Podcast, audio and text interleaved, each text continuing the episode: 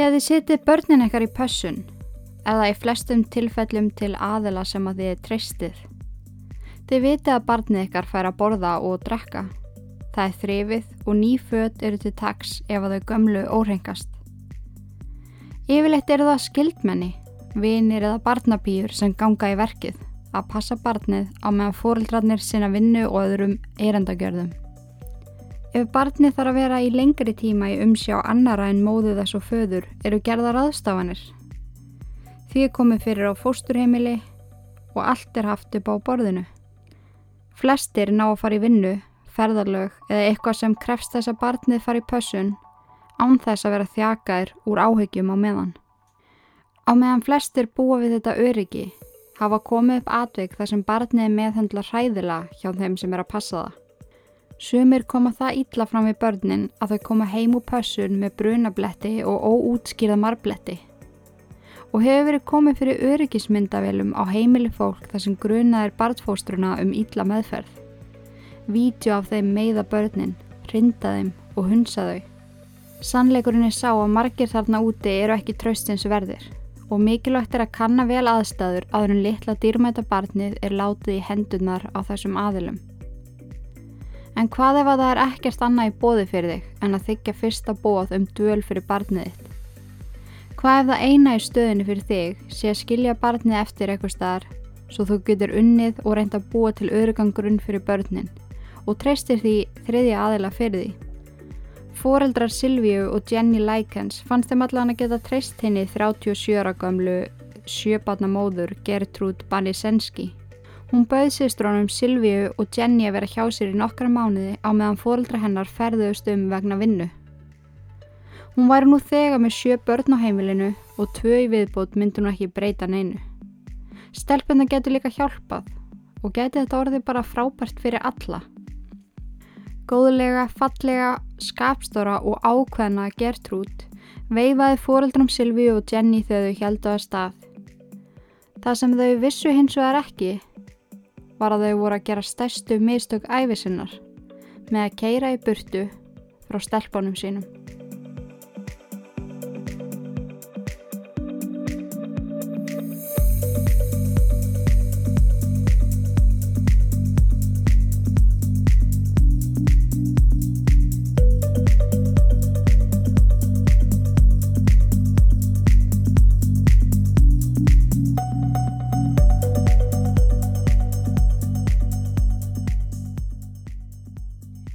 Komið sæl og verið hjartanlega velkomin.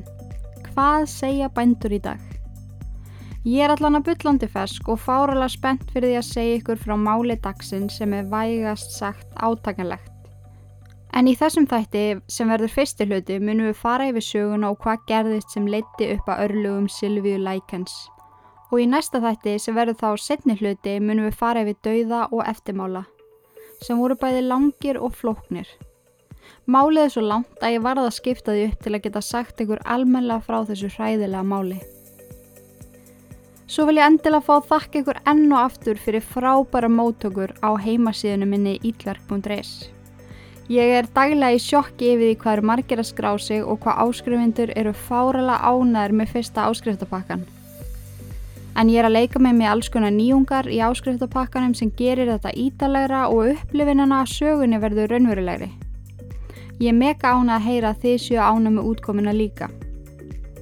Fyrir þá sem hafa greinlega leiðin til feld og vita ekkert hvað ég er að tala um, þá opnaði þann 1. mæ síðastliðin síðan mín íllörk.is en það er hægt að gerast áskrifandi af aukaefni fyrir 990 krónur á mánuði. Ég held áfram að gefa út fjóra fría þætti í mánuði en þeir sem vestla sér áskrift fá aðgang á fjórum þáttum í viðbútt. Þrýr þættir í fullri lengt og 1-2 kaplar úr bókinu minni Íllverk. Svo áskrifundur eru í raun að fá 8 íllörk þætti í mánuði, sem er meganæs að þú spyr mig. Þessi áskriftarleið er að gera mig kleift að sinna þessu með fullum hug og gefa út eins gott efni og ég mögulega get og ég er alveg fáralega þakklátt ykkur sem hafa skráð sig og bara ykkur sem hlusta yfir höfuð. Án ykkar væri ég enþá bara að spila Sims og ekki að nýta mína miklu tölvukunnótti í eitthvað uppbyggilegt eins og það að búið til podcast. Ok, litla röflið. Um, já, ég held að við ættum bara að dempa okkur í mál dagsins. Ég heiti Inga Kristjáns og þið eru að hlusta á Ílverk. Mál Silvíu Lækens, gjöru þið svo vel.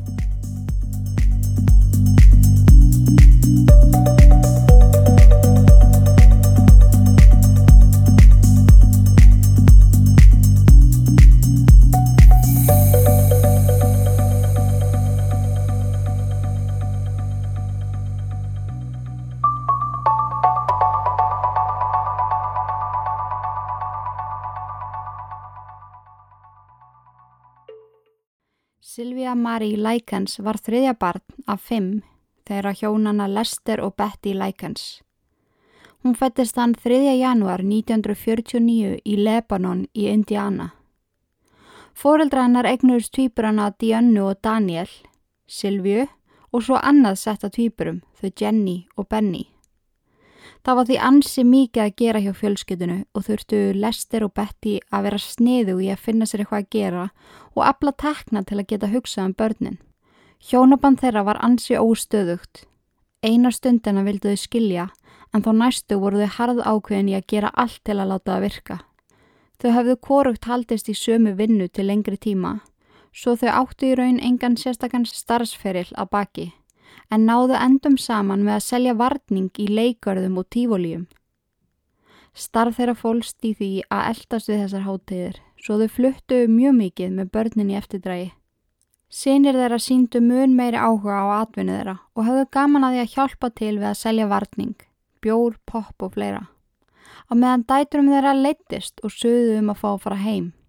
Betty og Lester ágöðu því að leifa stelpunum að dvelja hjá fóruldrum Betty sem byggu á svæðinu.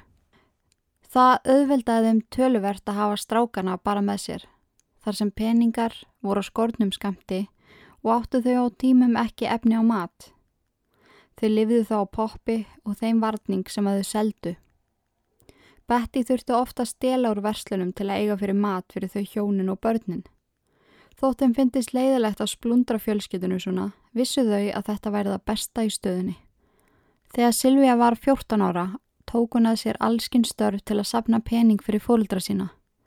Henni langaði svo að samena þau á ný og var hún vissum að hún var í nóg duglega að vinna gætu þau fljótlega fluttinn saman.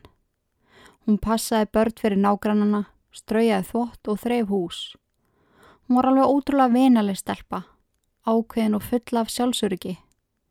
Háriðina var axlasíkt og rokkið, brúnu augun hennar pyrðust þegar hún brosti og fylti öll herbyggi af lífi þegar hún gekk inn.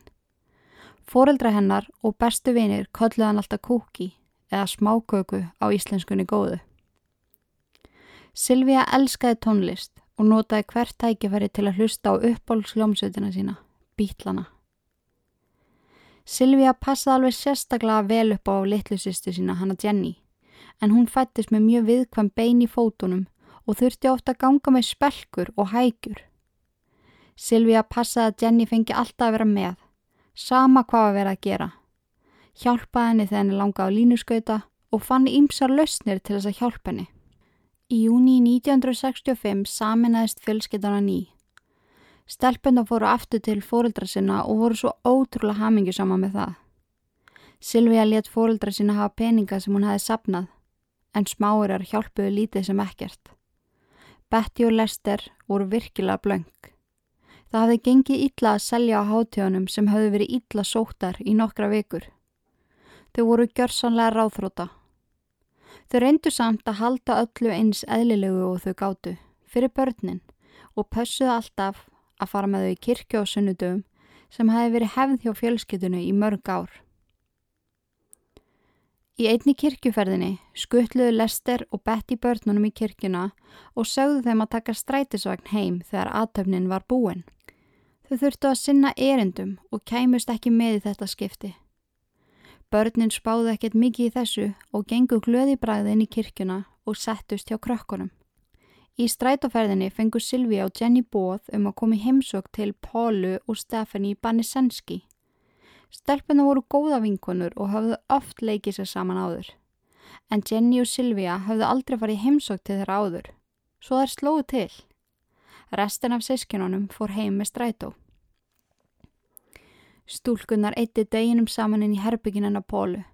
skoðuðu tímaritt, hlustu á tónlist og gerðu hárgreifslur í hver aðra. Þegar líða fór á kvöldið fóru fórildra Silvi og Jenny að leita þeim. Hinsískinin sem fóru heim með strætó sögðu þeim að þær hefðu farið heim með Banni Senski í stelpunum, svo Lester fór þangað að sækja þeir. Lester gekk upp að kvíta húsinu sem að fjölskyttan bjói. Það var lítið og mjóleitt, byggt á milli tveggja stóra blokka. Garðurinn var illa hyrstur og ílgresið ógs langt upp fyrir veggina. Plöntunar voru orðna gulleitar af vanrækslu, en upp á milli auksur sömarblóm sem reyndi að þrönga sér upp við hlið ílgresisins. Gertrúd kom til dýra og bauði Lester innfyrir. Þau settu saman í sófan og spjölluðu saman um börnin og það barst í dal hvað lækans fjölskyttan var í miklum erfileikum með að halda öllu á floti. Lester saði Gertrúd hvað það væri erfitt að koma stelpunum fyrir á nýjum stað í hver skipti sem að þau þurfti að eldastu tífolíin og hátíðanar og í sannleika sagt var hann ráðþróta. Gertrúd horði viðnarlega á hann og saði Stelpunar eru velkomnar hingað. Ég nú þegar með sjö börn og það munir ekki miklu að fá einn tögi viðbútt. Stelpunar getur hjálpa til með yngsta barnið og hún hefði gaman að því að sjá vinskap þeirra og dætra hennar. Lester var óviss. Hún fannst óþægilegt að íþingja þessari margra barna móður. En skildi samt hugsa málið. Gertrúd sá hann um að ef hann borgaði henni 20 dólar á viku, sem eru um 3000 krónur íslenskar, myndi þetta hjálpa henni mikið líka. Hún kvart hann til að ræða þetta við konunni sína og láta sér svo vita. Lester þakka henni fyrir, kallaði stelpunar sem komu káta niður stegan á húsinu og þökkuðu fyrir sig. Gertrúd stóði hurðinni og vinkaði til þeirra þegar þau kerði í burtu. 20 dólarar myndi hjálpa henni gríðarlega og vonaðist hún til þess að hún segi stelpunar fljótt aftur. Þegar hún nefndi bóðið sem hún hefði lagt undir við lester við dætu sínar, skríktu þær úr spennu. Þeim líkaði svo vel við Silvíu og Jenny, aðalega Silvíu. Hún var svo falleg og skemmtileg og frökk sem passaði vel við karakter Pólu og Stefani. Nokkrum dögum síðar ákvöðu Lester og Betty að hugmyndinu væri góð og slóðu til. Þau hjálpuðu stelpunum að pakka saman eigum sínum og lögðu á stað á heimili Bannisenski fjölskytunar. Gertrúd lofaði þeim að hugsa um stelpunar eins og þær veru hennar eigin og þau þurftu ekki að hafa neinar áhyggjur. Stelpunar áttu að vera þannig þrjá mánuði og ganga í skólan Arsenal Technical High School á samt eldstu dætrum Gertrúd. Lester og Betty voru henni svo þakklátt og marg þökkuð henni fyrir góðmennskuna og óeigingirnina. Stelpuna komu sér fyrir á austur New York götu nr. 3850. Þeim langaði ekkert sérstaklega að verða eftir en vissu á fóruldra þeirra þurfti að leggja stað í vinnufæð. Jenny var meira með yngri börnunum á heimilinu að meðan 14 ára gamla Silvia var oftast með Pólu og Stefani sem leiði henn að hanga með sér á kvöldin þegar það fór að hitta vini sína og kærastana sína. Stefani var í sambandi með strák á 17. aldursári og voru þau staðræðan í að gifta sig um leið og þau eruð átjónara. Póla líktist meira móðu sinni og eldist freka við frátækna menn ef svo má orði komast.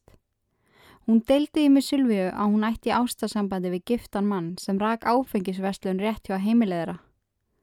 Hún laumaðist hangað rétt fyrir lókun, svaf hjá honum og hann gaf henni áfengi og síkaretur. Silvija varaði hana við. Þetta er ekki sniðst og það gæti enda illa. Póla hlóa henni og spurði hana hvort að hún hafi aldrei orðið ástfangin. Silvija saði henni að hún hafi einu sinni orðið ástfangin í ferðalagi með fóröldru sínum í gegnum Kaliforníu og þar hafa hún í fyrsta skipti kist strák. Póla saði henni að veri ekki hræstnari. Það er ekki þetta að velja hverju maður fjalli fyrir og hún ætti aðeins að slaka á. Á heimilinu ríkti mikil ringulreið Gertrúd reyndi eins og hún gata halda aga og var virkilega ströngubörnin sem að hlýtu henni í einu öllu og tóku því sem hún sagði sem heilum sannleika. En þar á milli var ekki mikið utanumhald og börnin sáu mestmægnis um sig sjálf. Gertrúd var oft mikið þreytt og svaf á sófanum á meðan yngsta barni hennar sem var rúmlega tveggjara svaf. Stefani og Póla þurfti að vera duglegar að vinna og tóku vaktir á matsölustad til að hjálpa til með rekstur heimilisins. Þau hafðu ekki mikið á milli handana og hver einasti dollari taldi. Gertrúd treysti því ansi mikið á greiðsluna frá fóruldrum Silvíu og Jenny. Þessi 20 dólarar áttu eftir að gera henni kleift að eiga fyrir mat ofan í börnin. Þegar sá dagur rannu upp að fyrsti tjekkin átt að koma inn um lúuna og Gertrúd flýtti sér að opna umslögin sem lág í hrúun og gólfinu, rettist hún heftalega þegar engin greiðsla hafði borist. Hún kallaði stelpunar og skipaði þeim að koma með sér nýri kjallara. Á leðinni niður skammaðist hún yfir því að vera ekki búin að fá greitt. Hún var búin að sjá um þar í tvær vikur fyrir ekki neitt og þetta væri ekki í bóði. Silvija saði hann að fóreldrana myndu ekki svíkjana. Þetta hefði bara tafist í póstunum. Jenny saði ekki orð, hún var döðrætt. Það pyrraði Gertrúd hvað Silvija var alltaf með öll svör á hreinu og var þetta byrjunin á hræðilegri meðferð í hennar garð.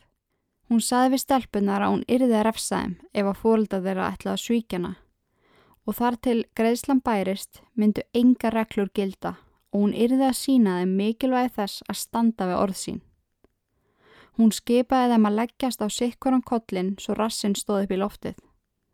Hún lifti upp pilsonu þeirra og hýtti þær með leðuról sem hjekk á nagla neyri kjallara. Sársökin var óbærilegur og Jenny þóldi ekki meira en eitt högg og lagðist í gólfið og grétt. Silvija saði Gertrúd að klára refsinguna á sér. Hún þóldi það. Hún krefti nefana og harkaði af sér fyrir sýstu sína. Tíu först högg með leðurólinni. Þegar þetta var yfir staðið, rak hún stelpunar aftur upp í herbyggi og sagði þeim að muna þessa leksju. Þetta kemi fyrir svikara og legara. Þegar Gertrúd kom aftur upp í aldús var komið nýtt umslag inn um hulúuna. Í því voru 20 dólarar og bref til stelpnana. Hún stoppaði smá stund og hugsaði um það sem að hafi farið fram nokkru mínutum áður.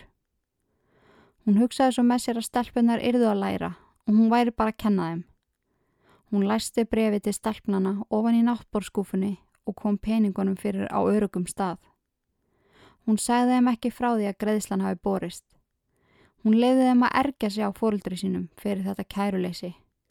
Þau hefðu lofað að borga alltaf á réttum tíma og þær skildi ekki af hverju þau gerðu það ekki. En raunin var svo að þau hefðu gert það. Samvisku samlega á réttum tíma, en það fengu þær aldrei að vita.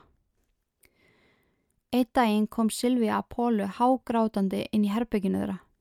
Póla saði að hún mætti ekki segja neinum frá þessu. En hún var ófrísk.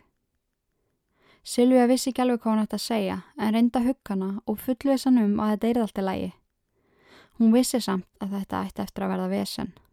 Þar sem hún var ófrísk eftir giftamannin sem rak áfengisveslunina. Silvi saði Póla hún yrði að tala við hann en Póla saði að það var eitthvað sem hún myndi aldrei gera. Hann hefði yngan áhugaði alveg barn með henni og það er hún að gera sjálf. Á meðan hún fyndi út hvað var í best að gera, yrði Silvíja að þeia, sem hún lofaði að gera. Eitt kvöldi þegar Silvíja sata sem Pólu og Stefani og vinum þeirra og spjölluðu, drukku og reyktu síkrettur, sá hún giftamanni nálgast. Hann átti greinlega erindin í verslununa sem hann rak en það var síðla kvölds og verslunin löngu búin að loka. Póla afsakaði sig og Silvíja greipi höndin á henni. Passaði þig, Póla. Kannski hættur ekki að fara til hans. Póla kifti hendina sér. Látt ekki svona, ég ætla bara að tala við hann. Silvíja fyldist grant með og var annars hugar þegar veninni spjölluði hana. Hún hafði sárar áhyggjur á Pólu. Hún vissi að hún væri brótætt og var hrættum að maðurum myndi særana. Þegar hún sá samskiptin færast út í átök og mannin draga pólu inn í húsasund á milli verslunarinnar og næsta hús sem stóð þar við hliðin á, afsökaði hún sig og fór og fyldist með. Hún vildi geta grepið inn í ef eitthvað kemi fyrir.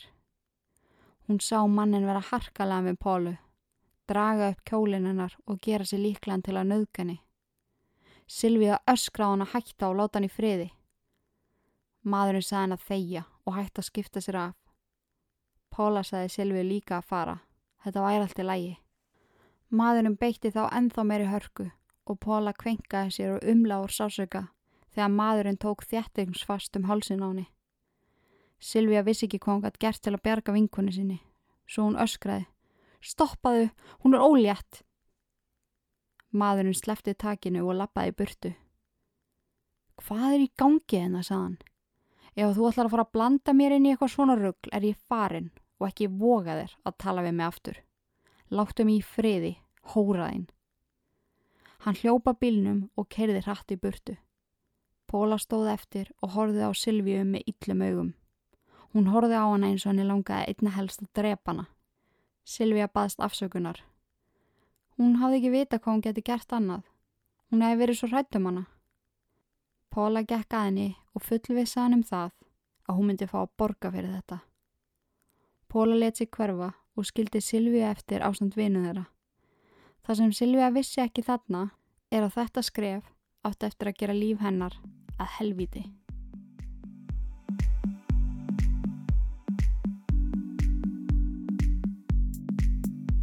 En já, já, við skulum taka okkur örstutapásu og heyra nokkur orð frá styrtaraðila þáttarins. Yeah. Wow. Það er okkur tjók.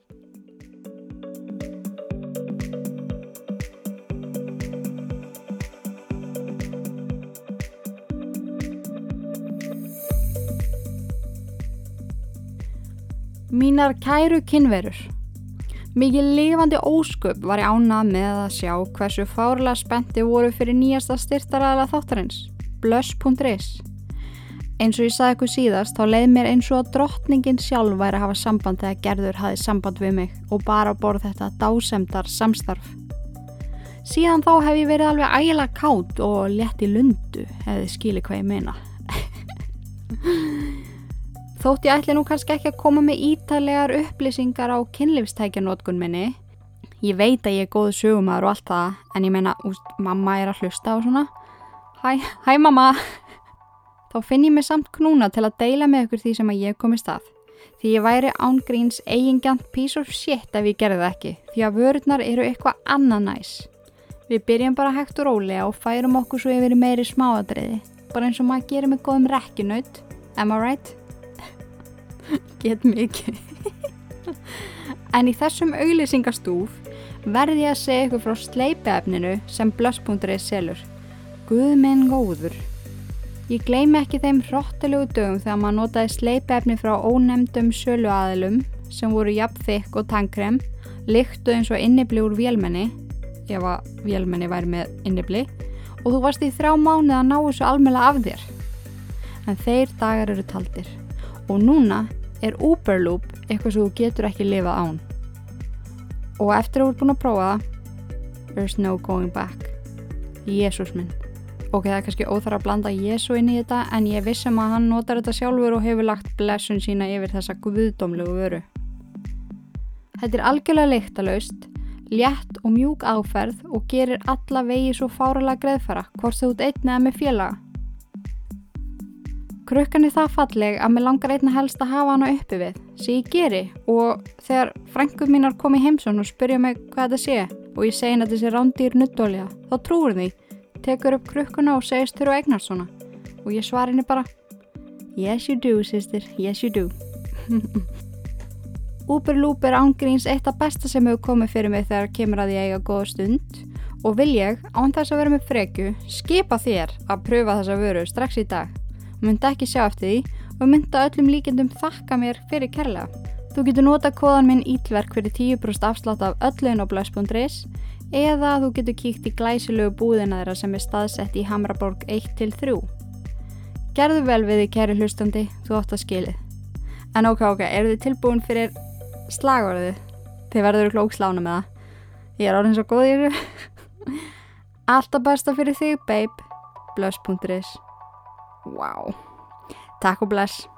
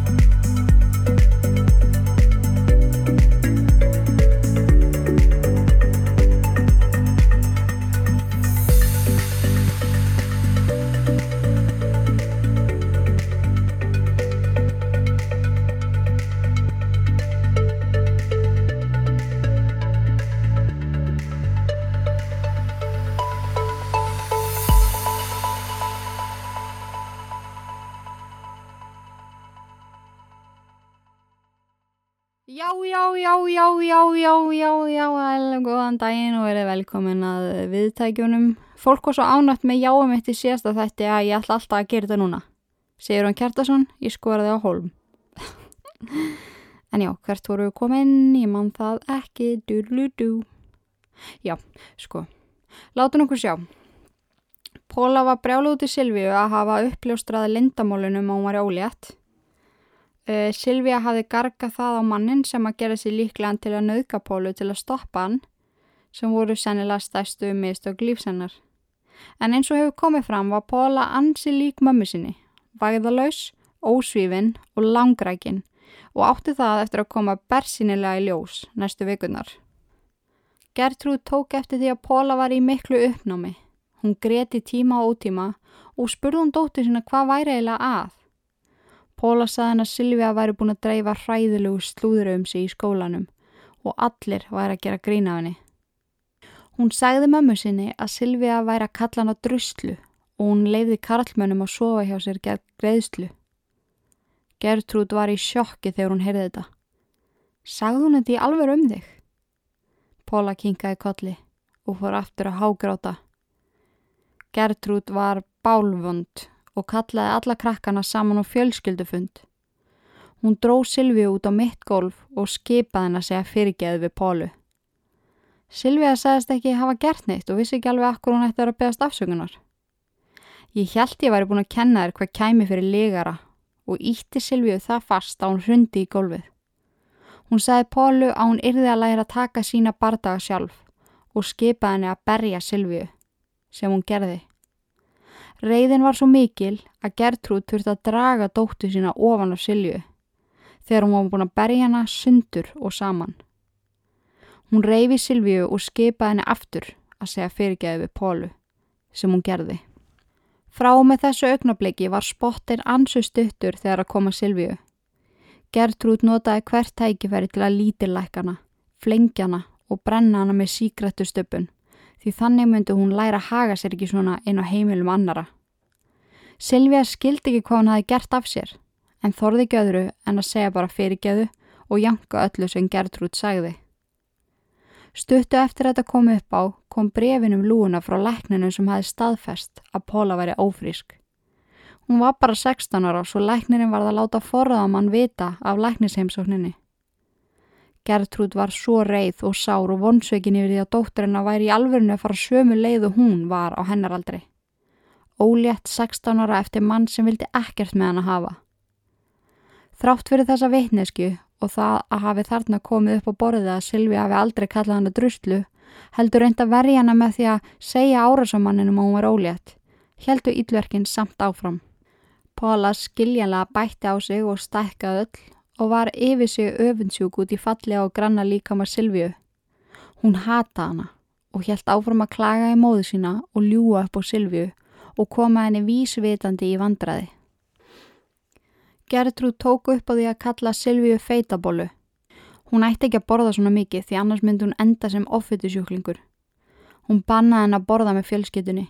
Það einu sem hún fekk að borða voru afgangar og rótnaði matur sem annars átt að henda. Með þessu grentist hún enþá meira og varð insóin í framann. Sent í ágúst 1965 kom upp atvik við eldúsborðið á heimilinu þar sem Silvíá var spurð hvort hún hafi ykkur tíman átt kærasta. Jenny greip frammi fyrir sýstu sinni með þessari típisku systra gera grínrött. Jú, hún átt einu sinni kærasta. Hún hitt hann á Long Beach og þau sátt einu sinni saman undir sólhlíf heilan dag. Silvíá skaut augunum á sýstu sína sem í sakleysi sínu áttaði sig ekki á því hvað væri þarna raunverulega í gangi. Gertrúd hlusta á það sem Jenny sagði og spurði svo Silvíu hvort hún hafi eitthvað tíma gert eitthvað með strák. Silvíu var ekki alveg vissum hvað hún var að spyrja og svaraði já, ég alveg gert eitthvað með strák eða þú veist ég fór eins og með sólhífastráknum á línuskauta. Jáhá, en þarna undir sólhífinni, snertur strákin? Já, eða, nei, hvað meinaru? leiður honum að snerta þig. Silvíja var að fara yfirum. Hún skildi ekki nákvæmlega hvað þessi rúmlega fertu á kona var að meina. Þú veist að þú snerti strák og leifir honum að snerta þig getur orðið ólétt. Silvíja starði brán og vissi ekkert hvað hún átt að segja. Gertrúd gekka henni og reyfi handleikin á henni og toga hann á fætur. Hún bent á magan af henni og sagði Þú ert öruglega ólétt eftir hennar strák. Þú ert að verða svo feit. Silvíja brosti döflega og hjælti í sakleysi sín og Gertrúd væri bara grínast. Já, ég verð bara að fara í megrun held ég. Gertrúd bakkaði frá eldursporðinu og ávarpaði alla stelpunar. Ef að þið gerið eitthvað með strák, þá verðið óléttar. Þeir munu aldrei vilja sjá okkur aftur og þau þurfa að ala upp barnið sjálf. Skiljiði það stelpur. Þið viljið ekki enda eins og Silvíja sem mun aldrei hitta basfæði sinn aftur. Silvíja greip fram í fyrir og reynda að segja Gertrúd og hún hafi ekki gert neitt þannig með strák og hún væri alls ekki ólétt. Gertrúd snöggreittist og sparkaði með öllu afli í klófi á Silvíu sem hrundi í golfið og veinaði úr sársöka. Frá með þessum degi var þetta gegnumgangandi grín, ef grín má kalla, nær daglegt. Póla og Gertrúd kommentuðu stanslust á það hvað Silvíja var í feit og hún ætti að passa sig að brjóti ekki stólana sem hún sati. Póla var að öllum líkindum virkilega öfundsjúk út í Silvíu en hún var þarna komin þrjá mánu að leið og var fyrir í yfirþyngd á meðan jafnaldri hennar Silvíja var saklaus, grönn og alls ekki ólétt. Það gerðu í því að gera lífin er að helviti. Eitt daginn kom nágrannir þeirra Randi Gordon lepper yfir. Hann var góðu vinnu Pólu og hann kunnaði verilega vel við Silvíu. Hún fannst þú líka mjög sætt og notaði hvert tækifæri til að koma og spjalla við hana. Póla þóldi ekki aðteglina sem hann gaf Silvíu og fjekk hann eins og til þess að vera dómari í mat áts keppni. Einu keppandin átt að vera Silvíja. Þau nitt hana til að borða pilsu með öllu. Hún borðaði fjórar og þá gat hún ekki meira á ældi. Þau nitt hana svo til að borða það sem hún ældi og hlóa af henni.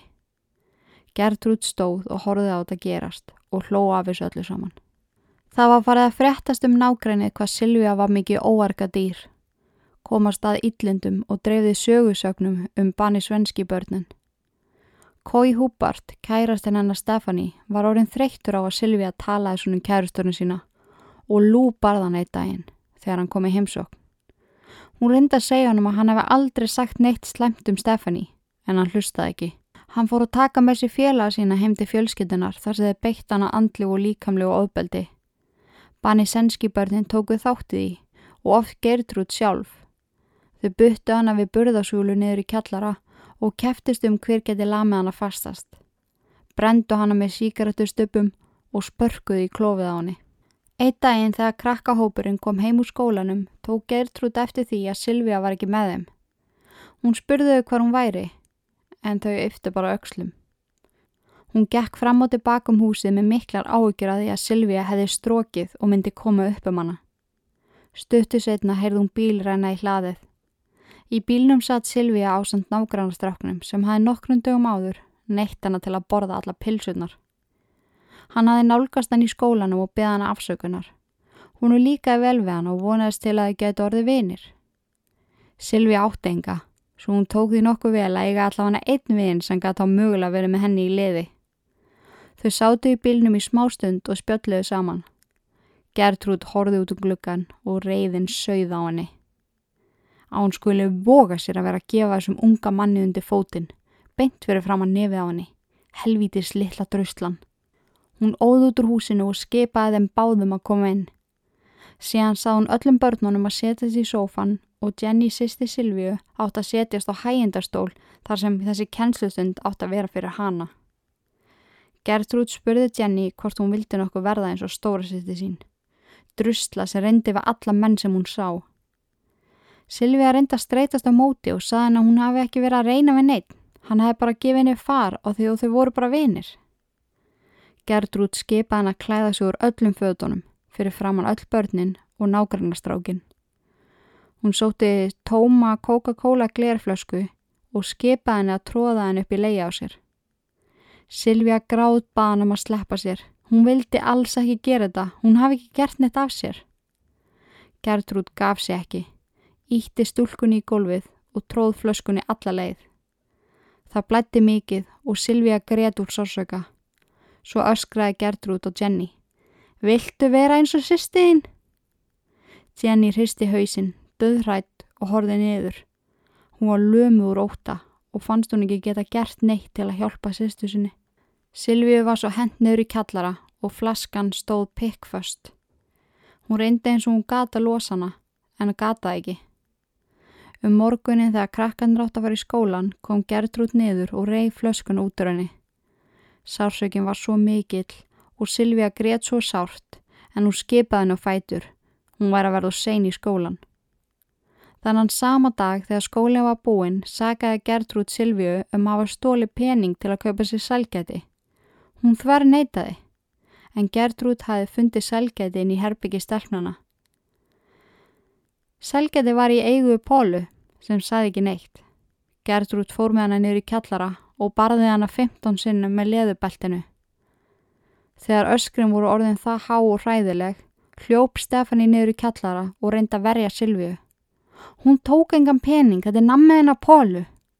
Gertrúd skipaði Stefani í burtu, kveikti á eldspítum og brendi alla fingugóma Silvíu og sagði henni að svona færi fyrir þeim sem stælu peningum.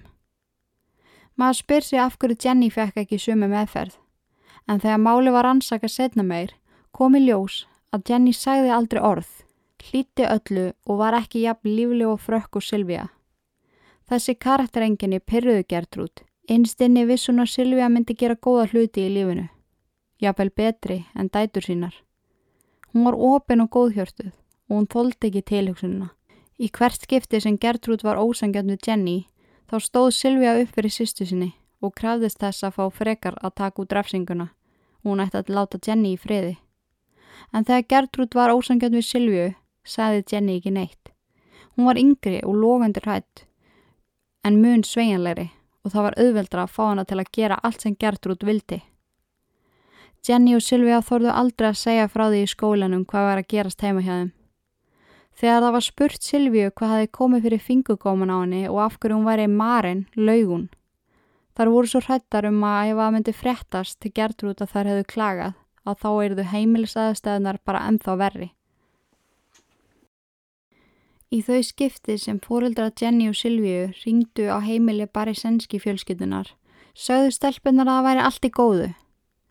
Jenny talaði yfirlegt við þau þar sem Silvíu treysti sér ekki til þess. Hún var ofrættum að fara að gráta og það geti litið mjög grunnsala út. Jenny fullvisaði fóreldri sinna um að allt gengi vel og þær veru sælar og gladar. Hún hljómaði það sannfærandi að Lester og Betty ákvaða að framlengja ferðalagi sínu um tvo mánuði og leifa stelpunum að vera hjá Gertrúd aðeins áfram. Fyrst þar voru svona ánæðar aðna, gáttu þar alveg verið aðeins lengur. Þar vildi ekki rífa þar upp með rótum, eina ferðin enn. Þessa frettir lömuðu sýstunnar. Þar þráðu svo heitt að gráð beðja fórildri sínum að koma og sækja þær. Það væri ekki allt í góðu og ef þar værið þarna lengur myndu þar á endanum deyja. En þar þorðu ekki og dvölun var lengt um tvo mánuði. Tveim vikum eftir símtalið ákvaðu Lester og Betty að heimsækja stelpunar. Þau leta ekki vita og byrtust skindilega. Stelpunar voru svo ánaðar að sjá þau og þráðu að þau varu komin að sækja þær. En ekki svo gott. Þau voru bara elda tífólið sem fór fram hjá bænum. Þar sátu hljóðlátar og hlusta á fórildri sína og gertur út spjalla á yfirborðskendan þátt. Þær höfðu oft síðan að spjalla svona, alafi menn.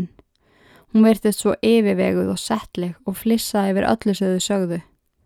Hún síndi ekki sitt rétt að djöfula andlit sem pinti börn. Þegar þau svo fóru, gekk Gertrúd upp á Silvi og sagði Já, ég skan, hvað ætlar að gera núna? Þau eru farin, ætlar að vera góð stelpa. Þetta sama kvöld hýtti Gertrúd Silvíu með leðubeltinu og brendi hana með síkaretustöpum. Hún fekk svo að dúsa í kjallaranum yfir nóttina. Nokkrun dögum síðar ringdi símin og hinnilínunu var Diana, eldri sýstir Jenny og Silvíu. Henni langaði að hitta sýstu sínar og spurði hvort þar mættu ekki koma með henni í göngutúr í gardinum sem var í smá fjarlað frá heimilinu. Gertrúd bannaði þeim að taka strætó eða fá hjóli láni og saði þeim að ef það er ætlað að fara að hitta hana, eru þeir að ganga, en þá tókum 40 mínútur að ganga að gardinum. Gertrúd vissi að Silvi átti erfitt með ganga eftir atviki með flöskuna og þá hann er ómögulegt fyrir Jenny að ganga svona lengi út af veiku beinunum í fótunum. Stelpuna letið ekki á sig fá og Silvíja bar sýstu sinna meir en helmingina leiðinni, algjörlega þjökuð úr sjálfsöka. Gullrótin var að fá að hitta sýstu sinna og hún hafi ákveða að segja henni alltaf leta. Hún varða komast í burtu og hún vissi að sýstur hennar myndi hjálp henni. Endur fundu sýstrana var ánægilegur. Þar voru svo gladar að sjá hver aðra. Diana breytti út teppi og beigð þeim upp á nesti sem hún hafi pakkað. Silvia var svo svöng og hámað í sig. Díunu var starfsýnt á sýstu sína. Róli, elska mín, ertu svona svöng? Já, sagði Silvia, ég fæ ekki að borða nema afganga og ónýta mat, þannig að ég er alltaf svöng. Svipu daginu var alvarlegri. Hvað átt eila við? Það er sögðu sýstu sinni alltaf létta. Hvernig meðfærð þar fengu að heimilinu þá aðalega Silvia. Hún var lamin, vannærð og gerða aðlægi fyrir framann alla. Það var alltaf kent en um allt og ekkert af því sem hún var sökuðum var satt. Hún reyndi alltaf að haga sér vel. Sorglegt en satt tók Diana ekki mikið marka á þessu. Hún var vissum að sýstu sínar væru að íkja. Ástandi gæti ekki verið svona slæmt. Fóreldraðra varu nýbúin að heimsækja þær og þá virtist allt í lagi. Hún kvatti þær og sýstunar gengu í sikkur áttuna. Vonin um að slappa í burtu frá Gertrúd var horfin. Þegar þær komu heim tók Gertrúd á mótið þeim ásand Pólu. Þær spurðu hvort þær hefðu nokkuð sagt sýstu þeirra ósatt. Þar hyrstu höfuðið og reyndu að segja sem minnst. Gertrúd let renna í sjóð heitt bað. Svo heitt að það stakk þegar Silvija var skikkuð ofan í það. Hún gret úr sásauka og fann húðin að verða rauða og auðma. Þetta er svo heitt. Gertrúd saði að þýtt ekkit minna. Það er það hreinsa af henni alla syndinnar og ekki væri hægt að gera það með volkuvatni. Silvija emjaði og Póla saði henn að þeia. Silvija réði ekki við sig. Þetta var svo sárt. Póla fekk nóga vælun í henni og reyfi hárið á henni og bombaði höfðin á henni í brúnina á baðinu svo Silvija leið út af. Á leiðin í skólan daginn eftir átti Silvija virkilega erfitt með að ganga. Hún var rauð og brend og blöðrur þögtu líkamennar. Henni klæjaði svo hræðilega þegar hún klóraði sér, blætti úr blöðrunum. Nágranni banni senski fjölskyndunar tók eftir stelpunni þegar hún stöilaðist út úr skólabilum. Hún fannst þetta mjög undalegt og ringdi á laurugluna og tilkynnti um það sem hann varð vitni af. Þegar lauruglan kom á svæði sagði Gertrúd þeim að hún var að leggja sig. Hún var í hálslöpp og það myndi henda betur ef að þið kæmi aftur á morgun. Vínalegt viðhor hennar var svo sannferðandi, svo þau sögðinni að hjúgrunarkona er þið senda heimili til að aðtúa með ábendinguna og til að kíkja á veiku stelpuna. Gertrúd þakkaði þeim kærlega fyrir og lokaði hurðinni. Hún sótti Silvíu upp í herbyggi og fór með hana í kjallara. Hún hýtti hana og blöðrurnar á fótunum sprungu hver á fætur annari. Hérna menn þú fá að vera næstu daga. Engin skóli, engin samskipti við börni mín. Er það skilið? Silvija gret úr sársöka og kinkaði kolli. Hún hafði ekki orku í að streytast á móti. Dægin eftir fór Silvija ekki í skólan. Setna um dægin kom hjúgrunarkonan til að vetja Silviju. Gertrúd þóttistur í miklu uppnámi og saði hjógranakonunni að Silvíja hefði farað heimann. Hún hefði ekki hugmynd um hvað hún var í niður komin. Hún deldi áhyggjum sínu með hjógranakonunni. Stelpan er algjörð skadraði. Ég næ ekki halda neittni stjórn. Hún rýfur kæft, hún stelur frá mér og hefur hræðileg áhrif á krakkana mína. Ég veit í alveg ekki hvað ég átti bræðs að taka. Hjógranakonan huggaði Gertrúd. Saðan að sömur úlingar höguðu sér svona og það veri best fyrir hanna að ganga ekki eftir henni. Hún myndi koma aftur tilbaka með skotti á milli lappana. Hún var að standa sér vel með öll þessi börn. Það var ekki aðtjóða með Silvíu aftur á vegum lauruglega sjúkarósins. Það að hún hafi flúa heimann var tekið gilt og talið að hún var bara úlingur í uppreist. Ef þau hefðu bara vita hvað hún var niður komin og hvaða örlög beðennar. Díana, sýsti stelpnana, var á leið um bæin eitt daginn og ákvaða að koma og kíkja á sýstu sinnar. Hún bankaði hörðina og beði svara. Gertrúd kom til dera og spurðana hvað hún vildi eila. Hún sagðist vera sýstir Jenny og Silvíu og langaði að hitta eins á þær. Gertrúd tilkendi henni að henni hefði verið sagt að hún mætti ekki leifa stelpunum að hitta fjölskyldumæðlemi inn á heimilunennar nema að ofinbært leifisbref væri meðferðis. Hún skellti hurðin á andlið Dianu. Í því kemur Jenny gangandi á samt heinum börnunum og hleypur í fangið á Dianu.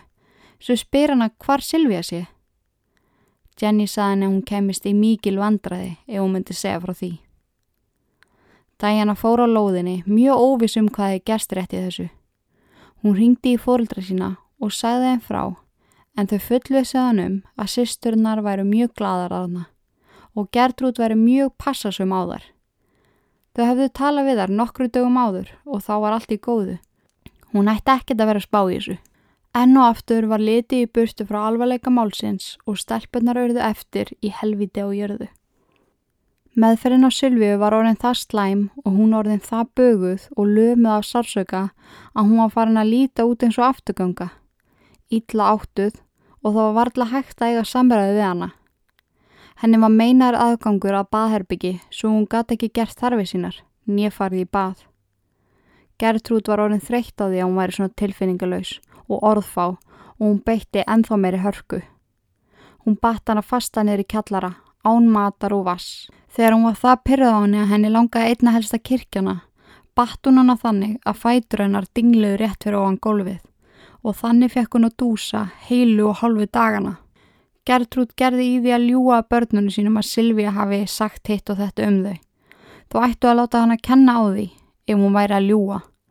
Þannig fekk hún börnin til að taka þátti að kveljana. Það var orðið daglegt brauð að fara neyru í kallar og leika sér að því að pinta Silvíju eins og að væri eðlilegasti hlutur í heimi. Krakkarnir voru orðnið það brenglaðir þegar að koma velferðanar að þau rukkuðu nágranna krakka um 5 cent til að koma og fá sjá Silvíu í kjallaranum. Þau kvættu börnin sem borguðinn til að sparka í hana, brenna hana með síkartustöpum eða pissa á hana. Gertrúd hafi tekist það að gera þetta eðlilegt fyrir börnunum og svona færi fyrir fólki sem að lígur, svíkur og haga sér illa. Silvi átti þetta skilið og hún kæmu svo endan mútur þessu sem betri manneskja. Gertrúd fekk reglulega aðstof frá börnunni sinum til að koma Silvíu og hann í baðkarið á baðherbygginu. Þegar lyktin af henni var orðin það óbærileg að fnikurinn lág um allt húsið og það varð það baðana.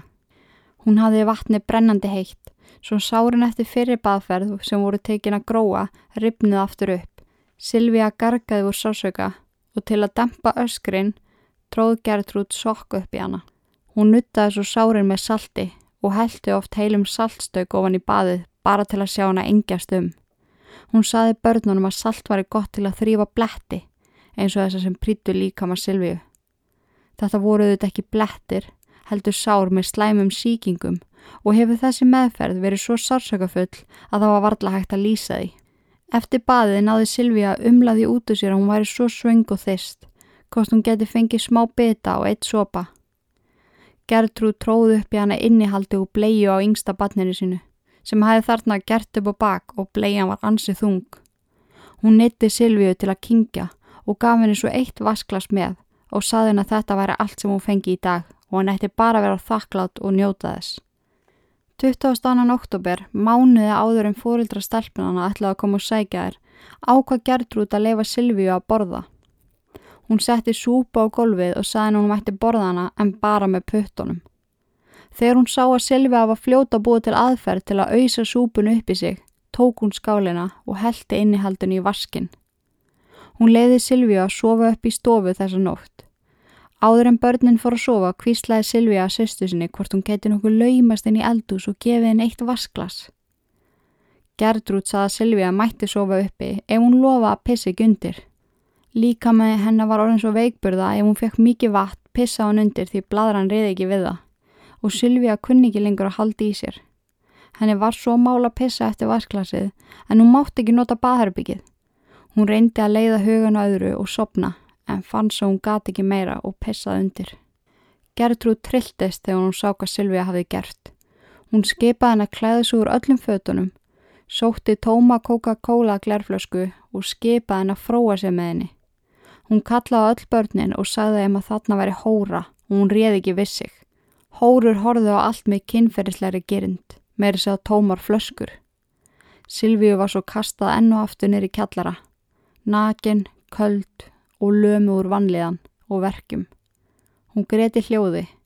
Hvað hafði hún eiginlega gert til að verðskulda þetta? Þegar hún hafi náð að róða sig niður, heyrði hún hurðina niður í kjallar og opnast. Gertrúd kom niður stegan, reyfi hendina á henni og saði hann að koma með sér upp í eldús. Þar sátu öll börnin við borðið og fylgdust með, ásamt nágrannastráknum sem hún hjælt að væri vinu sinn. Gertrúd saði henni að þar sem hún hefði logið af öllum að dætur hennar væri druslur og vendiskonur og með því mert þær, ætlaði hún að merkja hana núna. Hún bað són sinn að hita upp 8 nælu á meðan börnin hjálpaði hann að koma Silvíu fyrir upp á eldusborði og binda hann að fasta. Fyrst skrifaði Gertrúd með penna á hvið Silvíu I'm a prostitute and I'm proud of it og tók sér nálina og byrjaði að skera í stafina. Sársökin var óbærilegur og Silvíja greiðt. Jenny horfið undan og fór líka hágráta. Gertrúd skipaði hann að horfa. Svona mynd hún læra og með þessu mynd hún hafa vitaði að verða aldrei eins og sýsti sín. Gertrúd fekk hóstakast í miðjum klíðum og skipaði nágrannastráknum að klára. Silvíja horfið bónar augum á hann. Please, please, please, please, ekki. Hann hikaði smá stund. Gertrúd var pyrruð og öskur á hann. Ertu tregu drengur, kláraðu? Hann risti í kviðinar með nálunni. I'm a prostitute and I'm proud of it. Gertrúd sá að þetta var Jenny um megn, svo hún tók hana með sér út í búið á meðan strákurinn kláraði verkið. Hún saði börnunum að þegar þetta væri búið ætti hún að fara aftur niður í kjallara og þau ættu að brennimerkja hana fyrir neðan hægra brjóstið með stafnum S sem staði fyrir slött.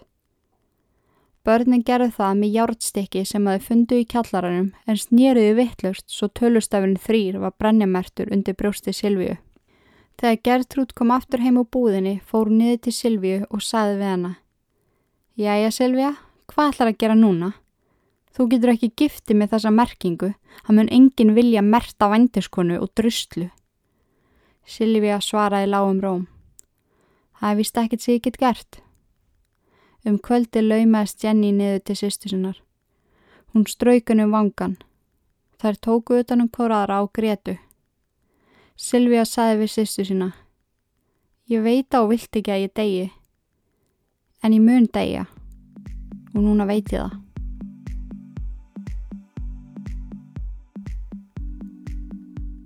Jæja. Ég held að við segjum þetta gott að þessu sinni. Við heyrumst aftur í næstu viku með setni part af sögu Silvíu Lækens. En þangandi næst, takk fyrir að hlusta, takk fyrir að vera til og í guðanabænum forðust öll ílverk nema þetta podcast. Verðið sæl.